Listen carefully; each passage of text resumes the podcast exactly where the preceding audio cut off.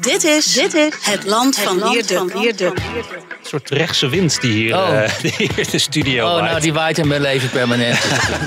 Een podcast van de Telegraaf met analyses op het nieuws die u elders niet hoort. De enormiteit hiervan kan natuurlijk niet worden onderschat. Het is gewoon enorm. Nord Stream is gewoon gesaboteerd. Hè? Stel nou zij winnen en stel Poetin verliest niet... Ja, dan bestaat de kans dat Europa nog meer op drift raakt. Met Wierde en Robert Ophorst. Ja, ken je me nog, Wiert? Nou, dat kostte me wel enige eh, moeite, Robert. Ja, we hebben elkaar heel lang niet gezien. Ja, en dat had een reden, want dat ga ik nu vertellen namelijk aan onze luisteraars. Robert Ophorst, dames en heren, is vader eh, geworden. Zo is het, zo is het. Ja, van Van een prachtige zoon, een Bruno. Bruno, de schitterende Ja. naam vind ik dat. Ja. Nee, ik, ik ben vijf en een halve week weg geweest. Ja, het eh, eerste vaderschapsverlof, ouderschapsverlof. En toen had ik nog drie weken vakantie erachteraan. Dus ik, ik ben, ik ben, eh, nou, ik kon me niet herinneren dat ik voor het laatst zo lang achter elkaar vrij was geweest sinds middelbare school. Ja, dat kan ik. me heel goed voorstellen. Dat, eh, dat is in mijn hele leven nog niet gebeurd. Gos, gossie. ja, dus ik benijd je enigszins. Nou, Maar, ik eh, moet zeggen, ja. ik ben wel, het was wel heel, ben wel heel dankbaar eh, dat dat eh, kon. En dat was, was heel bijzonder om het zo ook van dichtbij mee te maken. We Ja. hebben ook een bevriend, eh, twee vrienden van ons, die zijn ook vlak voor ons ouders geworden. En die, die jongen die heeft een eigen winkel. Dus die stond de volgende dag alweer Tuurlijk. in zijn zaak, ook omdat hij geen personeel heeft. Dus nee, ik was blij dat dat kon. eh, maar ik ben eh, ook ontzettend blij dat ik er eh, weer ben. Sowieso omdat ik mijn, mijn baan heel leuk vind. Maar nou ja, ik denk dat iedereen met kleine kinderen dat wel weet. Dat het ook wel heel fijn is als je, dat je wereld heel klein wordt. En dat het ook wel weer fijn is om even met andere dingen bezig te zijn. Nou, ja. denk maar niet dat het nu afgelopen is. Bereid je maar voor op enige jaren van de slapeloze nachten en allerlei andere shit. En angsten over je kind dat ziek is en eh, over gaat geven en zo. En al dat soort eh, dingen. Maar ehm, het hoort er allemaal bij. Ja, en je krijgt er zoveel voor terug. Dat is ook sowieso. Ja, angst en slapeloze nachten. Dat is ook wel een beetje eh, eh, het, thema van, eh, in ieder geval waar we het nu over gaan hebben. Want niet drie, maar vier lekken zijn er natuurlijk gevonden in de Nord Stream pijpleidingen in de Oostzee. Het is hoogstwaarschijnlijk sabotage. Daar is iedereen het wel over eens. Maar door wie is nog de vraag? Al wijzen de meeste vingers richting Rusland. Ja, wie denk jij, Wiert, dat er, dat er achter zit en waarom? Nou ja, we hebben gewoon geen idee. Dus dat de meeste vingers richting Rusland wijzen, dat vind ik dan toch wel weer opmerkelijk. Omdat eh, ik lees ook al die feiten en zo. En dan denk ik, ja, op basis van de gegevens die we nu hebben, ehm, waarom zou het dan zo zijn dat per se Rusland erachter zou zitten? Hè? Want je hoort inderdaad heel veel commentatoren die zeggen, nou, dat is Rusland en zo. Dus laten we eerst kijken, wat hebben we, waar hebben we nu, hier nu mee te maken? Hè? Nord Stream 1 en Nord Stream eh, 2. Nord Stream 2 was niet nog niet eens in gebruik genomen. Die, dat zijn dus de pijpleidingen die vanuit Rusland eh, via zee dan eh, gas naar Europa zouden brengen. Nord Stream 1 deed dat dus ook al. Ja, na, na de invasie van eh, de Russen in Oekraïne en onze sancties jegens Rusland is dat eigenlijk ehm, min of meer tot stilstand gekomen. Nord Stream 2 is zelfs nooit in gebruik genomen. Ehm, en Nord Stream 1, eh, Poetin die draait ook telkens aan die gaskraan. Als hij dan Europa weer wat onder druk wil zetten en zo, dan, eh, dan zegt hij weer dat er onderhoudswerkzaamheden moeten worden gepleegd. En dan is er opeens weer minder gas en zo. Eh, maar goed, het, zijn dus miljarden investeringen. Hè? Notabene de voormalige bondskanselier van Duitsland, Gerhard Schreuder, is er eigenlijk een topman geweest ook in het hele project. Ehm, de Duitsers, toen dit werd in gebruik genomen, althans toen dit werd afgesproken, toen was er nog zo'n zo'n bekende foto ook, zo'n bijeenkomst met, ik meen, eh Medvedev, die toen president was van Rusland of premier. Nou ja, dat wisselde steeds. En, eh, of Medvedev of eh, Poetin. En dan zie je ook een glunderende Mark Rutte en Angela Merkel, destijds bondskanselier van Duitsland. Ja, want de, de Duitsers waren voor, dus wij ook. Nou ja, ja. En ehm, nou ja, de Duitsers, ehm, en dat moet hier toch wel even aangestipt worden, die hebben zich onder de veel bejubelde, bejubelde Angela Merkel eh, compleet afhankelijk gemaakt bij de energievoorziening van eh, Rusland. Terwijl ze destijds al heel vaak in de clinch lag met eh, Vladimir Poetin. Die, die twee, die hadden een hele merkwaardige werkverhouding ook. Het interessante is, kijk, Merkel is natuurlijk opgegroeid in de DDR, dus je kende dat communistische systeem heel goed. Poetin was heel lang, of een aantal jaren was hij voor de KGB werkzaam in Dresden. In Oost-Duitsland. Um, dus ze komen een beetje uit dezelfde cultureel-politieke sfeer omgeving. Uh, de, de, Merkel sprak ook spreekt heel goed Russisch, uh, Poetin Duits en zo. En dus die, konden, die begrepen elkaar natuurlijk heel goed, maar tegelijkertijd waren ze dus antagonisten, dus tegenstanders ook. En toch heeft Merkel is onder Merkel Duitsland nog meer afhankelijk geworden van Russische energie, omdat in het vlaag van totale verstandsverbijstering naar Fukushima. De Duitsers besloten om uh, de, de, uh, tot de energiewende en de atoomausstiek. En dat betekent dat de Duitsers in een versneld tempo wilden overstappen op duurzame energiebronnen, zon en wind. En dat ze hun kerncentrales uh, hebben stopgezet. En nog altijd is het zo dat kerncentrales die zouden kunnen draaien nu, dat de Duitse regering, die bestaat uit sociaaldemocraten en groenen en liberalen, maar vooral de groenen ook, zich blijven inzetten voor het eh, stopzetten van die energie, van die, van die kerncentrales. Dus um, zichzelf daarmee nog, nog sterker in de voet uh, schieten. Nou, die, die energiewende is eigenlijk een totale puinhoop. Dat weten heel veel Nederlanders niet. Maar toen ik in Duitse correspondent was, heb ik daar veel over geschreven. En dat, dat functioneert gewoon niet. Waardoor de stroom en de energieprijzen ook ontzettend... Omhoog gejaagd zijn in Duitsland. En nu komt daar dus die oorlog uh, in Oekraïne bij, waardoor Duitsland in versneld tempo zich uh, onafhankelijk moest maken van uh, Russische energie. En dan zie je dat Olaf Scholz, de bondskanselier, dan gaat bedelen in de Emiraten en zo, in dat soort landen waar ze dan nog wel gas kunnen verkopen. Maar dat op dit moment allerlei bedrijven in Duitsland aan het omvallen zijn, omdat ze die energiekosten niet meer kunnen betalen. Nou, om terug te komen op Nord Stream. Nord Stream was dus het uh, paradeproject eigenlijk in die Duits-Russische samenwerking. Zeer, zeer, tegen de zin ook van de Amerikanen. Dat wil ik net gaan zeggen. Zeer tegen de zin van de Amerikanen. Want daar hebben we zometeen, gaan we onze productie zeggen dat ze daar even een quote van moeten opzoeken. Uh, wie, was, uh, wie anders dan Donald Trump zei destijds uh, ik meen zelfs in de Verenigde Naties dat dat was. Dat Duitsland zich op deze manier uh, chantabel heeft gemaakt voor uh, Vladimir Poetin. Dat hij dat dus als een groot veiligheidsrisico beschouwde. It's very sad when Germany makes a massive oil and gas deal with Russia. Where you're supposed to be guarding against Russia, and Germany goes out and pays billions and billions of dollars a year to Russia. But Germany is totally controlled by Russia. Because they were getting from 60 to 70 percent of their energy from Russia and a new pipeline. Het interessante aan dat filmpje is dat uh, je ziet die Duitse delegatie dan schamper lachen. Zo van, ach wat is het toch een versterkte idioot die Trump. Maar die heeft dus volledig gelijk gekregen. Nu hebben, heeft Joe Biden en ook uh, Tory Newland, dat is de heel havik-achtige neocon uh, staatssecretaris voor Oost-Europese zaken. Die hebben beide gezegd in februari van dit jaar, uh, als Rusland Oekraïne binnenvalt, dan komt er een einde aan Nord Stream toe dan zal, eh, zullen wij alles doen wat in onze mogelijkheden ligt om Nord Stream 2 uh, uh, uit te schakelen. Daar komt het echt, echt op neer. Uh, nou ja, ik weet niet precies hoe ze zeggen in het Engels, maar vertaald kwam het erop neer om het onklaar te maken. Dat zijn de feiten. En omdat de Amerikanen, wat jij zegt, die hadden helemaal geen uh, zin in het Nord Stream verhaal. Omdat zij uh, in de eerste plaats als een veiligheidsrisico beschouwen, wat ook gebleken is. En in de tweede plaats willen zij schaliegas verkopen aan ons.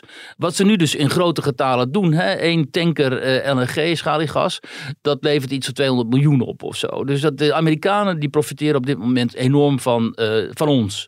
Omdat wij dus uh, nou ja, je kunt zeggen wat een hoogleraar vandaag in onze krant beweert, dat wij ons met de sancties gewoon enorm in de voet hebben geschoten. Want die mhm. sancties die schaden niet Rusland, maar die schaden ons. Hè. Onze, onze mensen hier betalen zich blauw aan Maar dan, dan, lees je ook in die verhalen, we hadden zelf ook een goed stuk voor onze buitenlandredactie, waarin alle, alle theorieën en voor's en tegens op een rij werden gezet van ja, eh, die Nord Stream was al uh, stilgelegd. Hè. De, de Duitsers hebben eigenlijk gehoor gegeven aan de wens van de Amerikanen. Dus wat heb je er nog voor belang bij?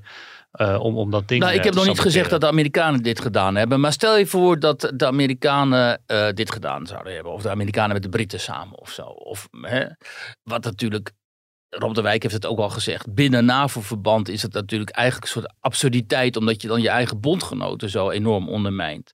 Maar ja, je weet het nooit met de Amerikanen. Die doen wel vaker dingen waarvan wij achteraf zeggen, oké. En het wordt natuurlijk nooit ontdekt, want we gaan nooit weten wie dit gedaan heeft. Dan is het wel onder, onderhuids een dubbele waarschuwing. Eentje naar Rusland, van kijk, we kunnen jullie, infrastructuur, jullie infrastructuur. Het wordt nu de hele tijd gedaan alsof het Europese infrastructuur is, maar dit is natuurlijk voor miljarden ook door Rusland Mhm. eh, geïnvesteerd. We kunnen jullie raken op dat gebied en aan Duitsland, want de Amerikanen zijn ontzettend ontevreden over de opstelling van Duitsland en ook wel van Frankrijk in dit eh, conflict. Kunnen ze ook naar Duitsland laten zien. Kijk jongens, eh, we hebben jullie destijds al gewaarschuwd. Hè, doe dit niet. En dit is uiteindelijk het resultaat. Dus het is een soort van tot de orde roepen vanuit. Maar wacht even, want ik moet nu echt Mhm. even zeggen van dat dit hoogst onwaarschijnlijk is. En dat het wa- waarschijnlijker is, hoewel het ook onwaarschijnlijk is, dat Rusland hierachter zit. Want waarom zou Rusland inderdaad, als je al de gaskraan kunt dichtdraaien, dan alsnog die infrastructuur Ja, verwoesten? ja. Alleen maar als je daarmee laat zien, kijk eens, we kunnen tot in die Baltische Zee infrastructuur verwoesten. Daar liggen ook allerlei kabels, namelijk IT-kabels en allerlei internettoestanden en zo. En daar ligt ook een net deze week geopende pijpleiding vanuit Noorwegen naar de Baltische Ja. landen en Europa. Wat Noors gas ver- vervoert. Mhm. Dus de, de Russen zouden kunnen zeggen, kijk eens, als wij willen, kunnen we ook die pijpleiding raken. Nou ja, dat vond ik wel een, een plausibel argument. Want wat je zegt inderdaad, op, op de bodem van de Noordzee eh, ligt ongeveer 4000 kilometer aan kabels voor dataverkeer, telecommunicatie, elektriciteit. Duizenden kilometers eh, pijpleiding. Ja, als je wil en je, en je slaat daartoe op, op die Noordzeebodem, dan leg je eigenlijk het hele, het, het hele continent plat, bij wijze van spreken. Dus Ja, maar waarom zou je dan eerst je, waarom zou je dan als waarschuwing je eigen pijpleidingen omdat die toch al stil ligt. Waar miljarden in zijn Ja, die ben je toch al kwijt. Ik zou zeggen, raak dan die Noors-Baltische Ja. pijpleiding. Alleen dan kan het Westen Dat natuurlijk zeggen, dit kan openlijke- alleen Rusland zijn. Dus een open- openlijke oorlogsverklaring. Open oorlogsverklaring, ja. Nou ja, het, ehm, eh, wat je zegt, het, het is de vraag of we het ooit eh, echt te weten komen. Maar ehm, ja, Rusland doet natuurlijk ook wel vaker eh, dingen die niet helemaal logisch zijn. Ik bedoel, als je, als je rationeel afgaat of het slim was om Oekraïne eh, binnen te vallen, dan is het antwoord ook eh, nee, volgens mij. Ja, kijk, ehm, vanuit Russisch oogpunt bezien niet. Omdat, nou ja, wat ik hier al telken malen, zoals het heet, heb betoogd ook. Poetin, toen hij aan de macht kwam, al vond dat de eh, uitbreiding van de NAVO met Oost-Europese landen op zichzelf al een bedreiging was. Laat staan de eventuele uitbreiding van de NAVO met voormalige Sovjet-republieken die niet tot de Baltische landen behoorden. De Baltische landen had hij dan nog min of meer geaccepteerd. Die hadden ook een eigen andere geschiedenis. Maar de, het praten over het uitbreiden van de NAVO en ook de Europese Unie trouwens, met eh, Oekraïne en Georgië, ja, dat heeft hij duidelijk aangegeven. Valt binnen onze invloedssfeer, dat is onaanraakbaar. Heeft hij telkens aangegeven. En wij hebben telkens gezegd, ja, maar die landen hebben recht op hun eigen eh, soevereine eh, beslissingen. En dan hebben de Russen weer tegen, ja, dat zal allemaal wel. Maar als wij eh, wapens gaan plaatsen aan de grenzen van Mexico bijvoorbeeld, of in Mexico aan de grenzen met de Verenigde Staten, dan gaan jullie ook zeggen, wegwezen daar. Want dat, is, dat beschouwen jullie, of Canada, dat beschouwen jullie als jullie invloedssfeer. En dan zegt het Westen weer, ja, we denken niet meer in invloedssferen, we denken in mensenrechten en zo. Maar dat is natuurlijk allemaal gelul, want het Westen, natuurlijk denkt het Westen, waarom hebben de Amerikanen overal basis in de wereld? Omdat ze dat beschouwen als hun, niet alleen hun invloedssfeer, maar dat beschouwen ze als primair voor hun nationale veiligheid. En de veiligheid van het Westen, van ons. En de NAVO beschermt ons en eh, is in die zin een defensief eh, veiligheidspact. Maar het is niet zo dat wanneer de, de NAVO zich uitbreidt naar Oost-Europese landen en uit wil breiden naar voormalige Sovjetlanden, dat je dan niet bij eh, elke willekeurige Rus, Rus eh, de schrik om het lijf jaagt. Dus dat is er gebeurd en dat is volledig. eh, hè, en wat nou precies de genese van dit conflict is geweest, dat heb ik al honderd keer verteld. Maar daarin zijn we terechtgekomen. En, en uiteindelijk heeft dus Poetin besloten tot die invasie. Die, waarvan nu wordt gezegd, ja, dat loopt allemaal dus desastreus. Hè? Want heeft Kiev niet kunnen innemen in het begin en zo. Maar ik heb vanaf het begin gezegd, ik denk dat Poetin zich tevreden zal stellen met de Krim, het behoud van de Krim en eh, het inlijven van de Donbass. En dat is precies wat er nu gebeurt. Morgen gaat dus die eh, vier regio's waar dan dat schijn, die schijnreferenda zijn gehouden. Deels schijnreferenda, want heel veel mensen daar willen hè, ook best wel echt, echt aansluiting bij Rusland. Maar ja, het is natuurlijk geen vrije verkiezing geweest. Zo. Uh, ze gaan geloof ik met getrokken wapen langs de deuren om de, om de stemformulieren ja, op te halen. Het, het, echt een schijnreferendum. Alleen maar daarmee is niet gezegd dat niet ook veel mensen mhm. best wel die aansluiting bij Rusland willen die daar wonen. Maar die regio's die worden dus, aange, die worden dus Rus, Rusland dan, hè, die gaan aan, geannexeerd worden door Rusland. Ja, en dan kan hij zeggen van, nou ja, uh, mission accomplished. Hè? En uh, dit is uh, wat, ik, wat ik wilde. Ik wilde dus zoveel mogelijk naties, zoals hij dan noemt, liquideren in Oekraïne hebben we gedaan, hè, want een heel groot deel van het Oekraïnse leger is, uh, is hierbij omgekomen. De Krim hebben we behouden, de Donbass hebben we ingenomen, althans, en daar sturen we dan al die, die mobilisanten naartoe, zeg maar, die 300.000, die gaan er dan een soort bezettingsmacht vormen of zo. En, uh, en, en, ja, en nu laten we het even hierbij. En mocht Oekraïne ons aanvallen, uh, zoals zij dat dan zei, ik praat hier steeds vanuit Russisch oogpunt, hè, disclaimer. Mm -hmm. En mocht Oekraïne ons aanvallen in die gebieden met westerse wapens, ja, dan beschouwen wij dat ja. als een casus belli van het Westen ook. Um, dus dan heeft het Westen ook weer een uh, nieuw probleem, want hoe gaan wij dan vervolgens die, uh, dat conflict met Rusland definiëren als Rusland het dan het beschouwt als een conflict op hun eigen grondgebied? Ja dat speelt nu ook al hè, met die Nord Stream. Van ja, als, als, als, als we collectief besluiten, dit is het werk van de Russen, wat wordt dan de reactie daarop? Ja, alleen kunnen we dat niet besluiten omdat we niet weten. En ik denk ook helemaal niet dat dat, dat, dat uh, boven water zal komen, om het maar eens in uh, dit soort termen te, te, mm. te blijven. Ja. Dus dat we uiteindelijk niet zullen weten wat hier nu precies gebeurt. Het lijkt een beetje op die Hè, op wat Israël dan regelmatig doet. Hè. Dan heeft Iran weer iets gebouwd of zo waar Israël niet mee eens is. En dan schakelen ze dat gewoon uit. Ja. En dan pas later komen we te weten dat dat, dat, dat gebeurd is. Een mysterieuze stroomstoring of een brand of een ontploffing. En dan, uh, dan ligt het weer plat. Geweldig. En dan blijkt het na, achteraf blijkt Israël daarachter te zitten. Wat natuurlijk ook volstrekt niet mag. Weet je wel. Maar het gebeurt gewoon. Ja. En omdat ik hier dus zo verbijsterd over was. Kijk, de enormiteit hiervan kan natuurlijk niet worden onderschat. Het is gewoon enorm. Nord Stream is gewoon ge, gesaboteerd. Hè? Dat is zo'n eigenlijk zo'n grote terreurdaad. Dus toen ben ik eens gaan bellen met internationale uh, bekenden van mij en zo. En mensen die ook wel heel erg tegen NAVO en Atlantic Council aanschurken en zo. Dus die zijn helemaal een beetje de internationale Rob de Wijks, zeg maar. Mm -hmm. Maar dan nog, nog wat meer pro-NAVO dan Rob. Dat, dat kan. En die hebben ook echt wel goed, goede uh, informatie en zo. Wat zeggen die dan? Ja, die zeggen van, uh, dit zijn natuurlijk de Russen. En dan zeg ik, en als ik dan durf te suggereren van ja, maar weet je, um, we hebben in het verleden toch ook wel cynische momenten gezien met de Amerikanen en de Britten.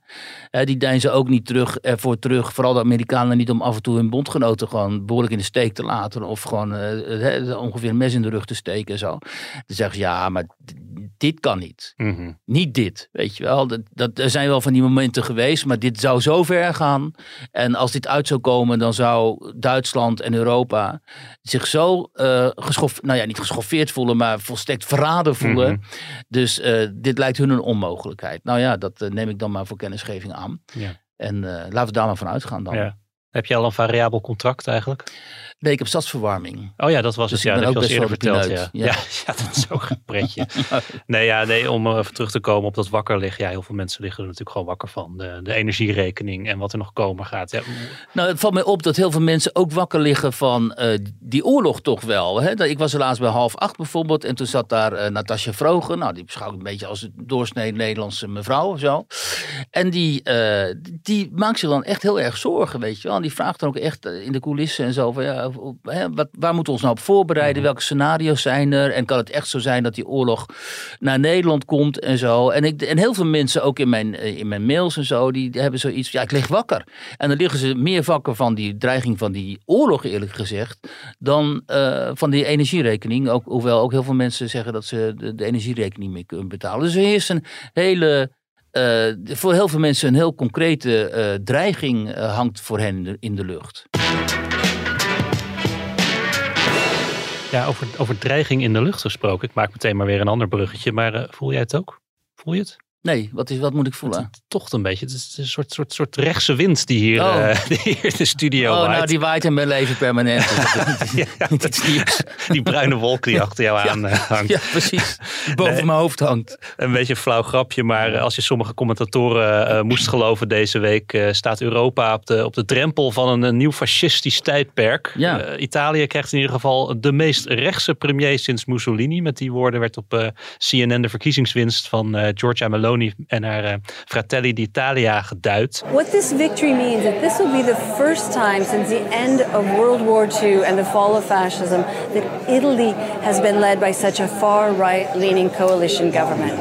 En eerder koos ook de Zweedse kiezer voor een rechtse koers. Eh, jij sprak over deze ontwikkelingen met eh, de Franse journalist Laura Mandeville. Ja. Zij zal voor de meeste mensen geen bekende naam zijn. Leg even uit wie zij is en waarom je juist haar wilde spreken over die vermeende rechtse revolte die we nu in Europa zien. Ja, Loor is een, eh, dat is ook een oude bekende van mij trouwens. Ehm, maar is eh, in eh, Frankrijk een eh, belangrijke auteur omdat zij, zij is grand reporter zoals het heet bij de Figaro. En ze is cor- correspondent geweest in Rusland. wat betekent ook- dat? Nou, dan ben je dus een, een van de belangrijke verslaggevers, internationale verslaggevers. Dan, dat is, heeft wel een be- bepa- een De bepaalde status van de. Figaro. Nee, dan ben je iets wat, wat zou dat hier in Nederland zijn? Nou ja, dat soort types heb je in Nederland eigenlijk niet. Die niet meer. Hè? Zij wordt dan overal waar een brandhaard is, wordt ze naartoe gestuurd. Ja, en ja. schrijft ze boeken. En ze was correspondent in de jaren negentig in Rusland toen ik daar ook zat. En toen zijn we bevriend geraakt. En ik, dus ik ken haar goed. En ehm, ze is eh, correspondent geweest in de Verenigde Staten. Maar ze is ook eh, gezaghebbend, omdat ze en eh, toen in de Verenigde Staten de. ehm, zeg maar, de revolte van de, van de deplorables eh, heeft beschreven. Daar heeft ze ook een boek over geschreven. De Trump-kiezer. Ja, dus de Trump-kiezers. Dat heeft ze goed onderzocht. En daar heeft ze een heel goed boek over geschreven. Wat ook heel goed eh, ontvangen is. Ze heeft een eh, gezaghebbend boek geschreven over de teleurgang van het Russische leger. En een boek over de Russische renaissance, zoals zij dat noemt. Althans, de renaissance onder Poetin, zeg maar. Van het Russische, hè, Russische Rijk, laten we het zo noemen. En nu heeft ze de afgelopen jaren, eh, is ze door Europa gereisd. En heeft zij eh, die rechtspopulistische revolte in kaart gebracht. En daarvoor was ze ook in Nederland. Heeft ze hier ook met allerlei mensen hier in Nederland gesproken. En daarom wilde ik, nou ja, dat boek, dat is een goed boek. Het is niet alleen reportageverslaggeving, maar ook veel analyse. En eh, daarom wilde ik haar spreken, omdat eh, zij dus al die landen heeft bezocht die nu, landen als Zweden en Italië en zo, die nu inderdaad die, die ruk naar rechts eh, maken. En omdat zij ook met een blik van de buitenlanden naar Nederland kijkt, heeft gekeken. Maar zij ziet dat dus als een, als een gegeven dat er inderdaad een soort rechtse wind waait door Europa. Ja, dat boek heet eh, De Opstandelingen van het Westen, hè, Le Révolté d'Occident. En zij, dat is voor haar een gegeven inderdaad. En dat begint natuurlijk met haar eigen land, Frankrijk. Zij heeft eh, voor de Franse verkiezingen heeft zij die Eric Zemmour eh, goed gevolgd. Hè, die, op ultra-rechts, zeg maar. Die nog rechtser dan Marine Le Pen. oud-collega van haar, want die heeft bij Le Figaro gewerkt ook. En ehm, zij heeft zijn verkiezingscampagne gevolgd. En merkte dat hij heel erg populair was. Hè, met zijn standpunten over de nazistaat. Eh, ehm, het stoppen van immigratie. Het aan banden leggen van de radicale islam. Al die dingen die eh, ook hier leven in Nederland natuurlijk. En zijn moeder die, die, die eigenlijk die, die verloor die verkiezingen vooral door zijn standpunt over Poetin. Want die bleef net zoals Thierry Baudet in Nederland heel lang vasthouden aan eh, Poetin en aan een soort anti-Amerikaans standpunt. En eh, wat zij nu zo interessant vindt aan die eh, Giorgia Meloni, zegt zij, dat is dat eigenlijk een beetje wat Wilders ook wel heeft, maar dat raakt vaak ondergesneeuwd. Dat is dat Meloni die aanvankelijk ook wel kritisch was op de Verenigde Staten, op de NAVO en zo, en min of meer pro-Poetin en zo, die heeft toch door die invasie in Oekraïne ofwel het licht gezien en begrepen wat, dat, wat nu precies de aard van het regime van Poetin is.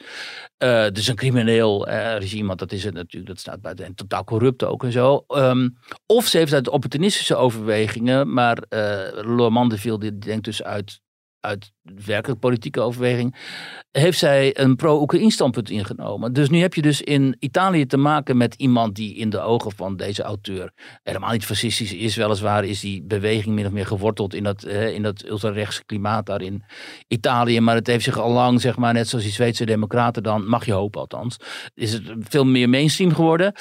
En het interessante nu is, vindt zij, dat eh, Meloni dus een, zowel een heel degelijk en pro-westers buitenlandbeleid kan gaan voeren. Eh, in de pas ook met eh, wat het Westen vindt eh, over onze houding ten opzichte van Rusland en onze houding in de Oekraïne-oorlog. En tegelijkertijd kan pleiten voor het behoud van de natiestaat, het behoud van grenzen, minder EU, minder islam, minder toegeven aan allerlei woke krankzinnigheid en zo. Meer opkomen, zoals Mandeville dat dan analyseert, voor het eigen culturele model en uh, de nazistaat als, zeg maar, als uh, pijler van waaruit jij eh, verder politiek bedrijft. En zeg maar, ook, dat heeft natuurlijk helemaal niks met fascisme of racisme te maken. Dat zijn gewoon uh, standpunten die heel veel uh, kiezers aanspreken. Ja, ja. het is hier altijd een beetje als, als, in, als in een buitenland uh, politici of, of delen van de bevolking tegen of kritisch zijn op euthanasie en, en abort, abortus. Dan schieten wij hier, of althans sommige commentatoren schieten hier dan meteen in de stress. Ja, dat is natuurlijk echt absurd. Hè? Dat je in, in Nederland mag je dus niet zeggen, luister eens, die 24 weken abortus en zo, is dat niet een beetje veel? Is dat niet een beetje ver in de zwangerschap en die, het terugdringen van die vijf dagen bedenktijd, is het wel zo verstandig? Dan ben je onmiddellijk een fascist als je dat zegt. Als je zegt euthanasie, voltooid leven van D66, uh, als je dat formaliseert, leg je dan niet heel veel druk op ouderen om te, te, zeggen: ja, jongens, maak er maar een einde aan, want ik ben alleen nog maar een last voor mijn kinderen. Ben je ook een fascist als je dat zegt? Als je zegt de nucleaire familie, zoals uh, de, de, het, het gezin, mm-hmm. vader, moeder, kinderen als hoeksteen van de samenleving. Dan ben je meteen een homohater. Dan ben je een homohater. Terwijl, weet je, ik ben twee keer gescheiden, dus je bent een heel slecht voorbeeld qua gezin en zo. Hè? Zij is trouwens ook een alleenstaande moeder, toch? Of een, of een Nou, ze heeft wel een, een, een man, zag ik. Nee, maar, dat is niet de vader van een kind, geloof ik, of wel? Ja, dat weet, nou, dat weet ik, dat weet ik niet eens. Dat ze privé dingen weet ik helemaal niet. Maar het is toch heel maar in ieder geval, ze is niet zelf een voorbeeld van, uh, ook een voorbeeld van... Ja, maar heel uh, vaak is dat niet het geval. Ik ben ook niet het voordeel voorbeeld. Maar daarom pleit ik, heb altijd gepleit voor ook een een, een, een, dominante aanwezigheid van de christendemocratie in de Nederlandse politiek. En dat die christendemocraten het zo enorm hebben verknald en het hebben weggegooid. En zich hebben overgeleverd aan technocraten aan de ene kant en woke gereformeerden aan de andere kant. Dat is gewoon heel kwalijk, omdat de christendemocratie was in de kern ook een min of meer, hè, meer of minder conservatieve beweging. Die pleiten voor het gezin, die pleiten voor um, uh, uh, omzichtigheid met zaken als euthanasie en abortus enzovoort. En allemaal op basis van een bepaalde uh, ethische overtuiging. En uh, met heel veel van die zaken was ik het verder zelf persoonlijk niet eens. Maar ik begrijp wel hoe belangrijk dat is voor de samenhang in de samenleving. Het CDA is niet voor niks een partij van de uh, gemeenschapszin. Als, je dat, als dat verdwijnt zoals nu. En daar heeft Mandeville het in het stuk met mij over. Als dat verdwijnt, dat midden, en het midden radicaliseert, wat hier ook gebeurd is in Nederland. Hè. D66 geldt nu als een middenpartij, terwijl D66 zou een aantal jaren geleden gewoon gezien zijn als totaal geradicaliseerde partij aan de flanken. Hè. Uh, als het verdwijnt en je gaat zelf voor God spelen, dat zegt zij ook. Hè. Wat, wat wij zien in het Westen, die woken gekte en zo, dat is puur een soort uh, zoeken naar zingeving. Nieuwe religie, religie is weg. mensen zoeken nieuwe religie, dat wordt dan klimaat of woke. En wat krijg je dan? Dan gaan mensen denken: ik ga zelf voor God spelen. Ik ga, uh, als mens gaan wij uh, het klimaat beïnvloeden. We gaan het klimaat beheersen zelfs. En dan moeten we alles verwijken. De boeren moeten kapot, dat moet kapot, dat moet kapot, weet je wel. Want wij zijn God, wij bepalen wel of we een paar graden naar beneden gaan of niet. En we kunnen ook zelf bepalen of een man, vrouw of iets anders zijn. En, dan, en zij heeft met verbijstering, zei ze, gekeken naar die Nederlandse transgenderwet. omdat ze ook zei dit is een wet, een, een totaal antiwetenschappelijke tekst. dat, het gaat er namelijk om dat je zonder tussenkomst van een deskundige uh, kunt bepalen: ik ben weliswaar een man, maar ik voel mij vrouw, dus ik word ingeschreven, nu geregistreerd als vrouw. Dat gaat natuurlijk in tegen alles, alles wat wij tot nog toe uh, ook op wetenschappelijk uh, niveau hebben aangenomen als waar. En als, als feitelijk, namelijk dat er twee geslachten zijn en heel zelden zit iemand daar tegenin. Hè? Dan ben je hermafrodiet, bij wij, dat, dat, zo heet dat dan. Maar in de over, overgrote gevallen, 99,9% van de gevallen, ben je ofwel man, biologisch, of vrouw. Je bent niet man en, en je kunt zeggen, ik, ik wissel nu naar vrouw. Dat kun je alleen zeggen als je denkt dat je God bent, inderdaad. En in Nederland is het dus zo, zo krankzinnig dat er in de Tweede Kamer over wordt gedebatteerd of jij, als jij uh, als jij vrouw bent, of als, als jij man bent, want daar komt het vooral op neer. Het zijn meestal mannen die vrouw willen worden. Dat als jij man bent, dat je eigenlijk kunt bepalen Mhm. dat je een vrouw bent. En Nou, dat is geloof ik niet helemaal waar. Dat, ik geloof dat bij die genderklinieken dat het vooral jonge vrouwen zijn. Of, of nou ja, daar heb ik dus eh, die podcast met eh, Jasper ooit over een aantal weken geleden. Ja, daar was, lag jij natuurlijk in de, in de Tussen de baby. vieze eh, precies. Eh, wij hebben hier een uitgebreid gesprek gehad met Jasper. Ik kan die podcast iedereen aanbevelen. Dat was een jongen die ook dacht dat hij eigenlijk meisje moest zijn. Die ging in transitie en tijdens die transitie, zoals het heet, kwam er, eh, hij erachter, dit is gewoon waanzin. Ik... ehm, ik wilde het eigenlijk helemaal niet. Ik heb me laten eh, intimideren, ik heb me laten beïnvloeden. Ik heb me laten beïnvloeden door mensen die hier op een ideologische manier mee bezig zijn. Ik, ga, ik wil terug. En nu is dat dus gewoon een jonge man die zijn verhaal vertelt. En eh, inderdaad dat er nu, want dat is een heel belangrijk punt dat Nicky Pauw van Wijvenjaar 21 ook aanstipte eh, tegenover mij in, toen ik hier stukken over schreef. Dat vroeger was het zo dat ehm, die, die mannen die zich dan lieten in transitie gingen, zeg maar. Dat waren meestal mannen van een zekere leeftijd die hun hele leven al kampten met eh, deze identiteitsdiffuusheid en zo. En die dan op latere leeftijd besluiten, ik ga, laat me toch, eh, eh, hè, ik, laat me ik ga toch in transitie naar vrouwen. En tegenwoordig vanwege die, nou ja, die, die- gewoon die woke waanzin, zijn er dus heel veel meisjes, onzekere pubermeisjes, die, en, hè, die, die denken, ja wat ben ik nou eigenlijk? Weet je, maar omdat in de puberteit zijn heel veel meisjes natuurlijk, die hormonen die gaan helemaal te keren zo, totaal Jongens onzeker. Jongens ook trouwens. Die melden zich dan bij genderklinieken.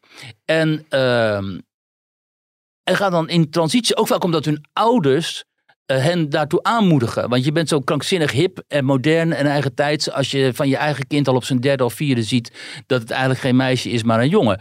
Nou, iemand als Meloni, om terug te komen op het conservatisme, die, die, die zet daar komt de vraagtekens, nou niet alleen vraagtekens bij, die benoemt het voor wat het is, namelijk waanzin. En het is dus heel goed dat er mensen zijn die wijzen op de waanzin van dat transgenderisme, op de waanzin van woke, op de waanzin van open grenzen. Zelfs Hugo de Jonge, notabene, zegt nu, we kunnen die aantallen niet aan. Dus allemaal mensen met gezond verstand die nu zeggen dit en dit en dit. Ja. Daarin zijn we in het Westen veel te ver gegaan en dat moet nu stoppen. Nou, en die bij- winnen verkiezingen. Nou vind ik bij de jongen neem ik het ook met een korreltje zout. Want eh, het CDA zit natuurlijk ook in een lastige positie. Die, die moet af en toe weer even aan zijn achterban laten zien. En, eh en de kiezer bij- waar ze, waar ze eigenlijk voor staan. En de jongen krijgt natuurlijk zijn woonagenda niet van de grond. Bij Hugo de Jonge is het natuurlijk puur opportunisme. Net zoals bij de VVD. Het puur opportunisme is Ja. als er verkiezingen aankomen en ze beginnen weer te, te, op, op te spelen over het eh, grote aantal immigranten. En wat ze doen er verder niks aan. Dus daarom ook komen uiteindelijk dit soort, waar ik het net over had, klassieke middenpartijen als CDA, Hugo de Jonge CDA en VVD en zo. Die gaan eh, uiteindelijk voor de bijl ook omdat zij deze, op deze thema's gewoon niet hebben geleverd. En dat zie je dus ook in Zweden. Die Zweden Democraten, wat echt een hele ra- eh, radicaal rechtse partij is, die komt aan de macht omdat de middenpartijen het hebben laten, laten liggen. In Italië net zo, voor zover er nog middenpartijen zijn überhaupt, klassieke partij. Maar zij, zij is dus door heel Europa gereisd. Zij heeft geconstateerd van nou, er is een soort, soort revolte gaande. Maar waar, waar komt dat nou door dan? Is dat dan omdat de gevestigde partijen dus niet eh, goed genoeg luisteren naar... eh, Nou ja, de omdat de klassieke wil? partijen, inderdaad de gevestigde partijen, die hebben eh, het, het contact met hun traditionele achterban eh, helemaal verloren natuurlijk. Eh, de sociaaldemocraten die hebben de arbeiders verlogend. Die, eh, die hebben helemaal, de arbeiders zijn naar, in Nederland naar de PVV gegaan en in Frankrijk naar Front National en in Duitsland voor een heel groot deel naar AFD. Omdat zij zich helemaal niet meer vertegenwoordigd zien in die mensen die eh, bezit hebben genomen van die partijen. Dat zijn hoogopgeleide, randstedelijke types die eh, zich ook druk maken over woke en gender en identiteit en, of, nou ja, hè, en klimaat en dat soort dingen. In plaats van dat ze kijken naar klassenverschillen. Iemand is Ewald Engelen, die we hier ook hebben gehad in de podcast, een linkse jongen. Die wijst er natuurlijk op. Die zegt ook, ik kijk naar de wereld vanuit de klassenblik. En wat ik dan zie is dat de onderklasse, de lagere klasse op dit moment ook de prijs betaalt voor eh, onze oorlog, ehm, eh, steun aan de oorlog eh, van Oekraïne. En dat de, de onderklasse altijd de prijs betaalt voor, voor decennia inmiddels van neoliberaal beleid, waarin zowel de liberalen van de VVD en hè, D66 voor zover die liberaal zijn, maar ook de progressieven van eh, Partij van de Arbeid, maar ook GroenLinks en noem maar op, samenkomen en in feite in feite een, soort van oorlog zijn gaan voeren tegen de gewone man. Zij hebben, hè, dat, hebben die, dat komt ook, eh, dat moet iedereen lezen in die atlas van Josse de Voogd en René Cuperus komt het ook heel duidelijk aan bod. De gewone man is totaal niet meer vertegenwoordigd door die klassieke partijen. En die klassieke partijen die nu de, de dominant zijn, namelijk VVD en D66, die staan in die, die, die staan, dat zijn de mensen die en tevreden zijn over zichzelf en tevreden over de koers van Nederland. Nou, dat, zijn, dat is weliswaar een tamelijk grote groep, omdat we nu eenmaal veel, redelijk veel hoogopgeleide, welvarende mensen hebben, die allemaal op die partijen stemmen. Maar die zijn totaal losgezongen van van die bakker die kapot gaat vanwege de energieprijs. Of die vrachtwagenchauffeur uh, die thuis komt en die denkt van ja, hoe ga ik die energierekening uh, nog betalen? En dat komt nu in versneld tempo vanwege ook die oorlog in Oekraïne en uh, vanwege de energiecrisis. Dat komt nu electoraal in versneld tempo als een boemerang bij die partijen terug. Je zult ook zien bij de provinciale verkiezingen in maart dat die gevestigde partijen die gaan instorten natuurlijk. Dat kan niet anders.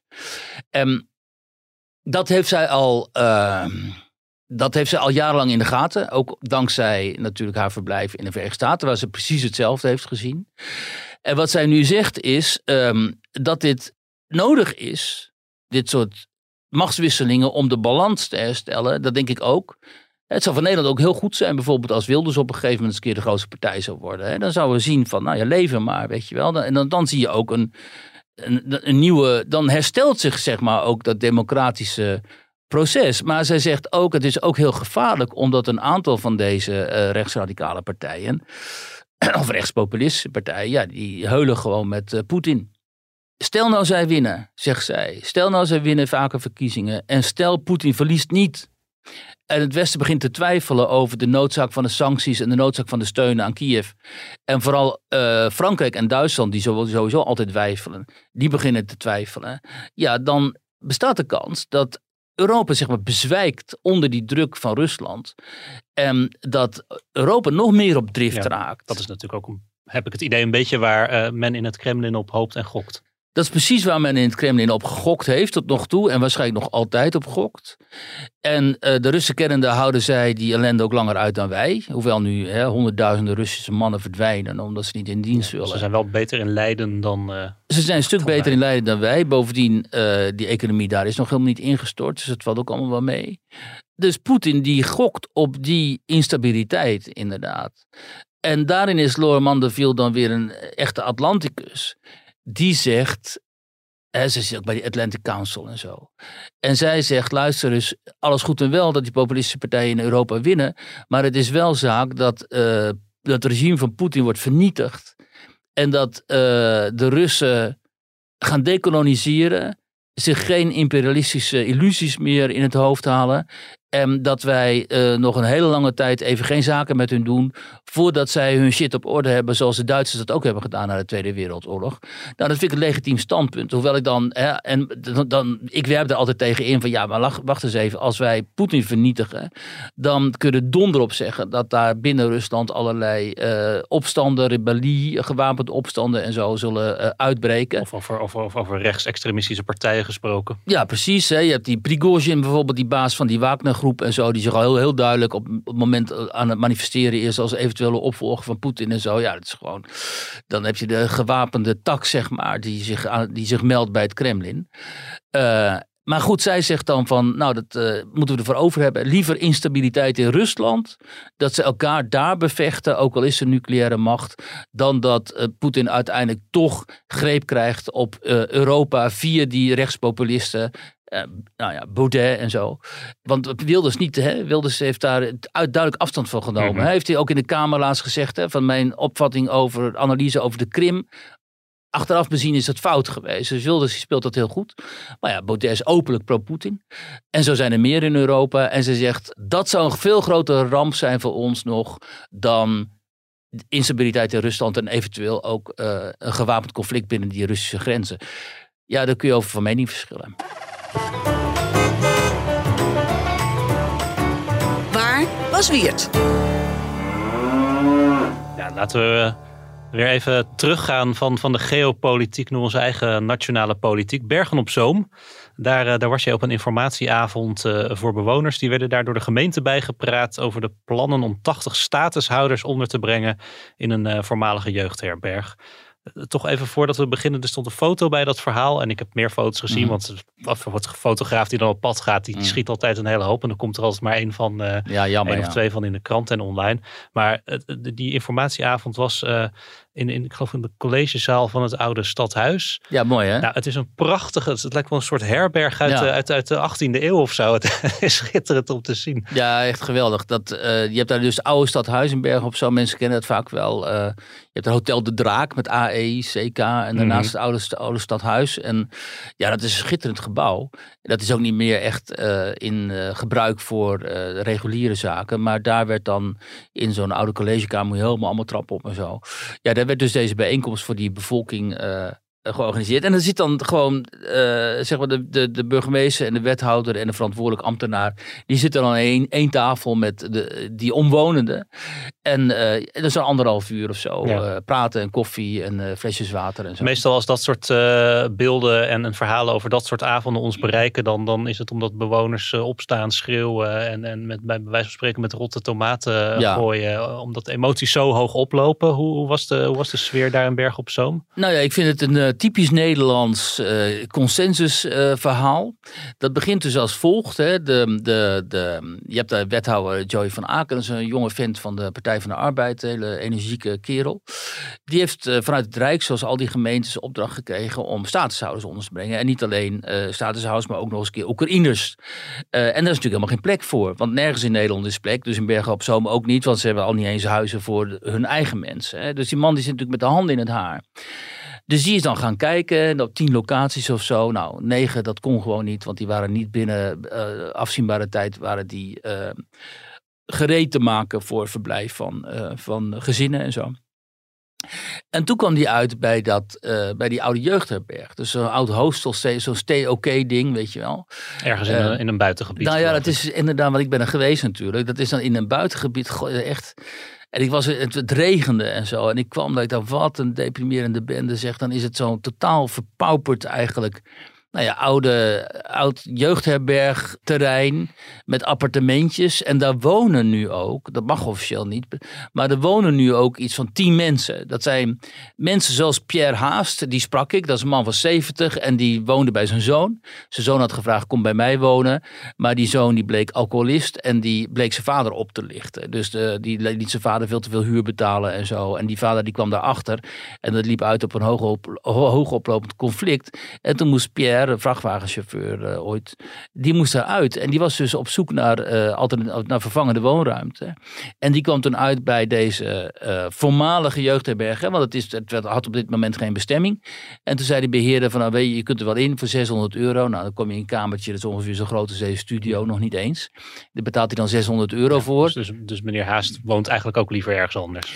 Die woont liever ergens anders, maar hij was al heel blij hiermee. En dan, dan kom je daar, dan staat er een stapelbed en dan staat daar zijn zendtemperatuur, want hij is eh, zendamateur. En eh, zo brengt hij dan zijn dagen door. Hè? En dat is natuurlijk echt heel triest. En toen werd tegen Haast gezegd, luister eens, had hij begrepen, van de gemeente gaat handhaven, je moet hier weg, permanente bewoning mag niet. En jullie moeten voor 1 oktober allemaal wegwezen hier. Nou, dus schrokken zich dood. Dat is in de regionale krant gekomen, BN De Stem, die had daar wat over en zo. En toen ontstond dat plan, of eigenlijk tegelijkertijd ontstond dat plan. Weet je wat, we kunnen dit ook gebruiken voor statushouders.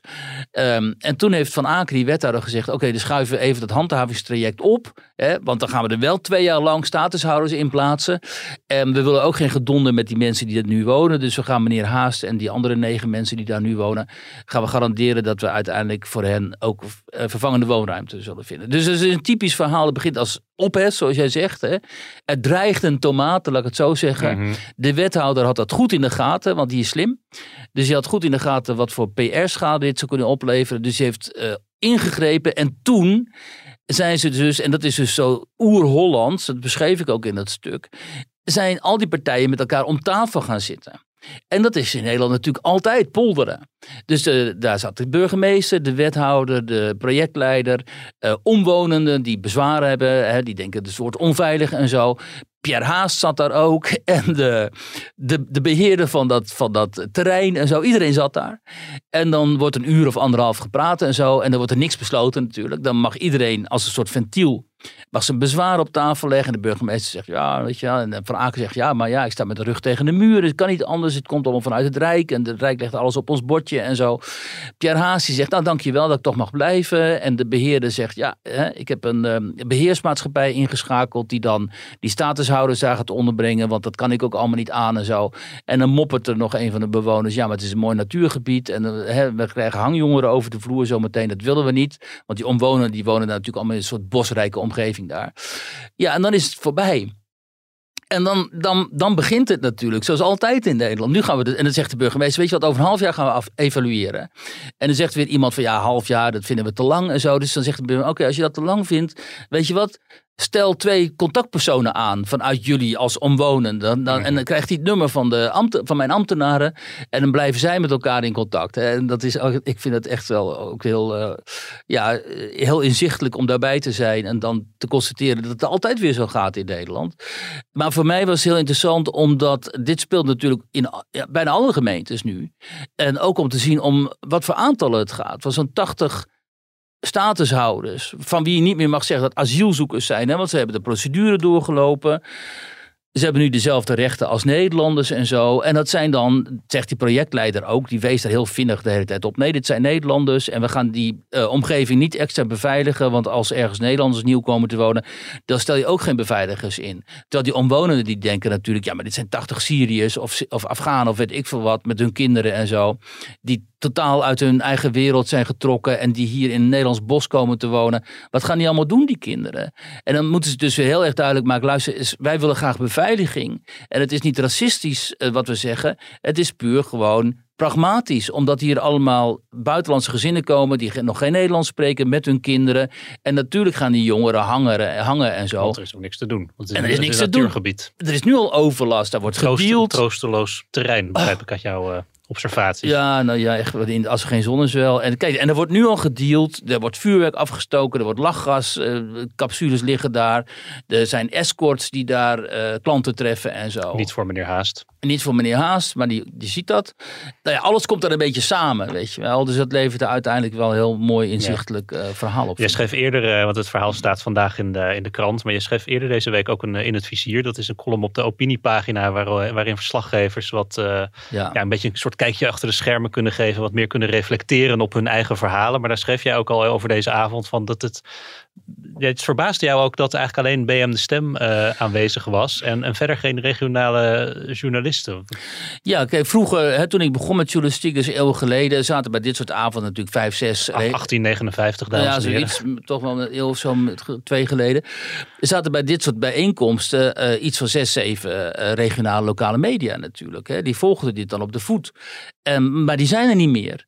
En de, de regionale media die er nog wel zijn, die hebben vaak niet voldoende mensen om dat allemaal te volgen. Zoals de Omroep Brabant, die je daar toch zou verwachten.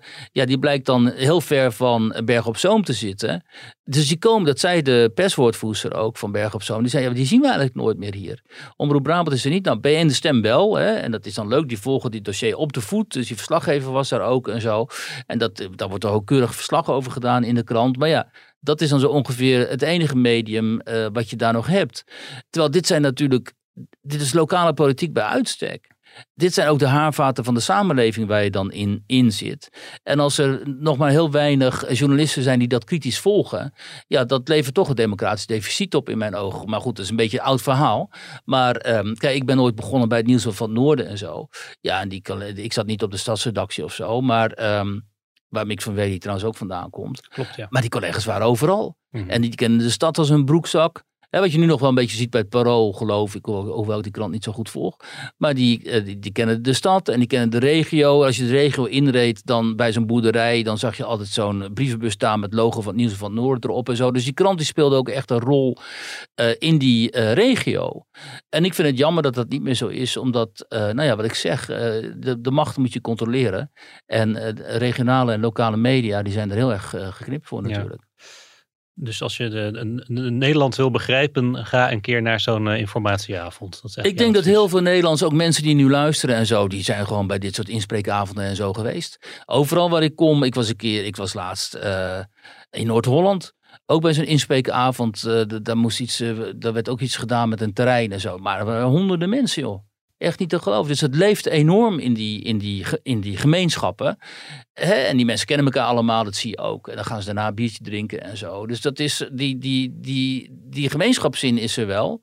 En eh, de, ook de betrokkenheid bij de eigen omgeving en zo. Alleen het komt vaak helemaal niet meer, dus, wordt niet meer gereflecteerd in de, in de media, omdat die, ja, die, die redacties zijn gewoon wegbezuinigd vaak. Nou, we hebben alles wel weer een beetje eh, behandeld, hè, volgens mij. Wat, wat denk jij trouwens nog even terugkomend op die eh, wijziging van die transgenderwet? Want dat, eh, daar is natuurlijk deze week Ja. fel over gediscussieerd. Ik geloof dat volgende week woensdag dan Frank Weerwind, minister van Rechtsbescherming, als ik het goed zeg, zich erover gaat buigen over de vragen van de Kamer. Waar denk je dat het heen gaat? Want het was, eh, voorheen was het een soort eh, walk in the park. Dat zou worden aangenomen. Maar inmiddels eh, VVD en CDA hebben toch grote twijfels. Dus Ja. het is kiele kiele. Maar wat denk jij? Eh, nou, dat kan ik niet zeggen. De, ik heb die debatten ook niet echt- echt op de voet gevolgd. Ik heb wel gezien dat Nicky Pauverwijder weer heel goed haar taken waarnam voor jaar 21. En heel goed wijst op de, op de manier waarop deze wet gewoon excessief is. Dus we zullen het zien. Kijk, je zou natuurlijk, eh, je zou natuurlijk willen. Wat een heel goed voorstel was, dat was, eh, ik meen dat het van haar kwam. eh, laat dan zowel geslacht registreren als gender. Dus geslachts. En jouw geslachtskenmerken zijn die van een man of een vrouw. Dat staat vast. Dus je bent een man of vrouw, maar je mag ook een gen. Maar je gender voel je Ja, dan ja. anders. Hè? Ja, dat, een van dat de, gaat er wel helemaal tegen het fundamentele idee in van, van voorstanders van die wetswijziging. Ja, maar die voorstanders van de wetswijziging hebben gewoon niet het, het gelijk aan hun kant. En ze hebben ook niet de wetenschap aan hun kant. En dat is dus wat Loorman de Viel over het Nederlandse debat ook zei. Ze zei: het is echt verbijsterend. Hoe kun je nou zo'n wet willen invoeren met zulke enorme morele en maatschappelijke consequenties, zonder daar een debat over te houden, zonder daar een maatschappelijk debat onder, over te houden. Wat is dat voor raars? Want in, in Frankrijk, Frankrijk is wel een raar land en jullie Nederlanders zeggen altijd wel dat er niks deugt aan Frankrijk en zo. En dat jullie zo'n modeldemocratie zijn en jullie waren zo'n enorm geslaagde multiculturele samenleving en stonden altijd met vingertje te wapperen naar iedereen. Maar kijk, zegt ze, aan de, de enerzijds eh, is die multiculturele samenleving van ju- jullie dus eigenlijk grenzeloos mislukt in heel veel opzichten. En met dat eh, andere, hè, met die ethisch- medisch-ethische kwesties en zo, voer je niet eens een maatschappelijk debat. En het zou, ze zei, dat zou bij ons in Frankrijk in ieder geval onmogelijk zijn. En, eh, en ze heeft natuurlijk gelijk als zij zegt, eh, het kan gewoon niet zijn. Het kan gewoon niet dat wanneer een man bent, dat jij laat registreren als vrouw. Kijk, maar goed, zij is dan tegen, maar dat debat wordt nu wel gevoerd. In de Kamer. Maar dit had al lang. Kijk, we hebben ook geprobeerd een beetje aan te jagen hier hè, in mijn podcast. En ik heb er redelijk veel over geschreven. En die Jan Kuitenbrouwer, die heeft er ook wel veel over geschreven. Maar die is om die reden eruit gegooid bij de Volkskrant. Hè. Dus zo ingewikkeld is het ook om deze, dit soort debatten op gang te brengen. Voor je het weet, wil je eruit gegooid. Die Kuitenbrouwer, die had een- een- een- zo'n column over woke. En die richtte zich vooral op die transgendergekte en zo. Nou, is gewoon, eh, mocht niet meer. En eh, dus de fora waar je terecht kunt Mhm. met dit soort eh, tegengeluid. Ja. Eh, nou ja, ook, ik bedoel. Ja, dat vond ik ook wel kwalijk van die, die, die Lisa van Ginneke, dat Kamerlid van D66, die, die voorstander die dus zelf transgender is. Die zelf transgender is en ook nog een, ik geloof twee am- amendementen heeft ingediend. om die, die, zij wil eigenlijk nog veel verder gaan, maar zij noemt het, zegt dan gelijk van, ik ben bezorgd over het lelijke debat, de ondermijnende frames, het maakt mensen bang, het demoniseert transpersonen. En Ja. dat vind ik dan wel jammer, dat als er dan discussie wordt gevoerd, dat tegenstanders ook gelijk in die hoek worden geframed. Je moet er ook over kunnen praten, toch? Ja, bovendien is gewoon, klopt het gewoon niet. Eh, omdat wat je ziet, vooral in de Verenigde Staten, waar deze, dit, dit cultuur, deze cultuuroorlog nog veel heviger woedt, daar zijn het dus vooral critici die, eh, die worden aangevallen, die ook fysiek worden aangevallen, die worden ontslagen uit hun functies. Iemand als J.K. Rowling, weet je wel, die schrijfster van eh, Harry Potter, is gecanceld. Die is notabene gecanceld op, op evenementen van haar eigen, over haar eigen boek. Over haar eigen verhaal mag ze niet meer komen omdat ze kritische opmerkingen heeft gemaakt over transgenderisme. Dus de agressie en de intolerantie en zo, die komen vooral uit die activistische transgenderhoek. Veel meer dan vanuit die eh, andere hoek die gewoon zegt, nou, maar luister eens, we hebben geen problemen met transgenders en zo. Alleen het bepalen, het persoonlijk kunnen bepalen of je man of vrouw bent, dat druist zo in tegen alles wat feitelijk en wetenschappelijk is. Dat kunnen wij gewoon niet accepteren, want dan is gewoon het hek van de, van de dam. Dan kun je ook wel gaan zeggen, ja, ik voel me vandaag een dolfijn. En dan moeten mensen dat ook maar accepteren. Ik bedoel, en dit is typisch natuurlijk voor woke ook. Dat draait allemaal om je eigen persoonlijke, hele persoonlijke emoties. Hoe voel ik mij? Word ik, hè, bla bla, voel ik mij wel veilig enzovoort. Terwijl politiek en zo um, gaat natuurlijk om samenlevingen. En het gaat om de mogelijkheid creëren om samen te leven. En dan moet je die mogelijkheden niet juist gaan ondermijnen, omdat jouw eigen particuliere emoties dan opeens gekrenkt zouden zijn of zo. Dan moet je daar maar overheen zetten en accepteren dat in het grotere belang, namelijk van de gemeenschap, sommige regels nu eenmaal gelden. En die regels zijn onder andere dat we te maken hebben met vrouwen en mannen en een heel, aantal kleine, heel klein aantal gevallen met, uh, met mensen die biologisch uh, dubbele geslachtskenmerken vertonen. En verder niet. En dat zijn nu eenmaal de feiten. En daar is een, als, je, als je die niet accepteert als samenleving, dan kunnen we afsluiten, komen we terug op het Loreman de Viel zijn.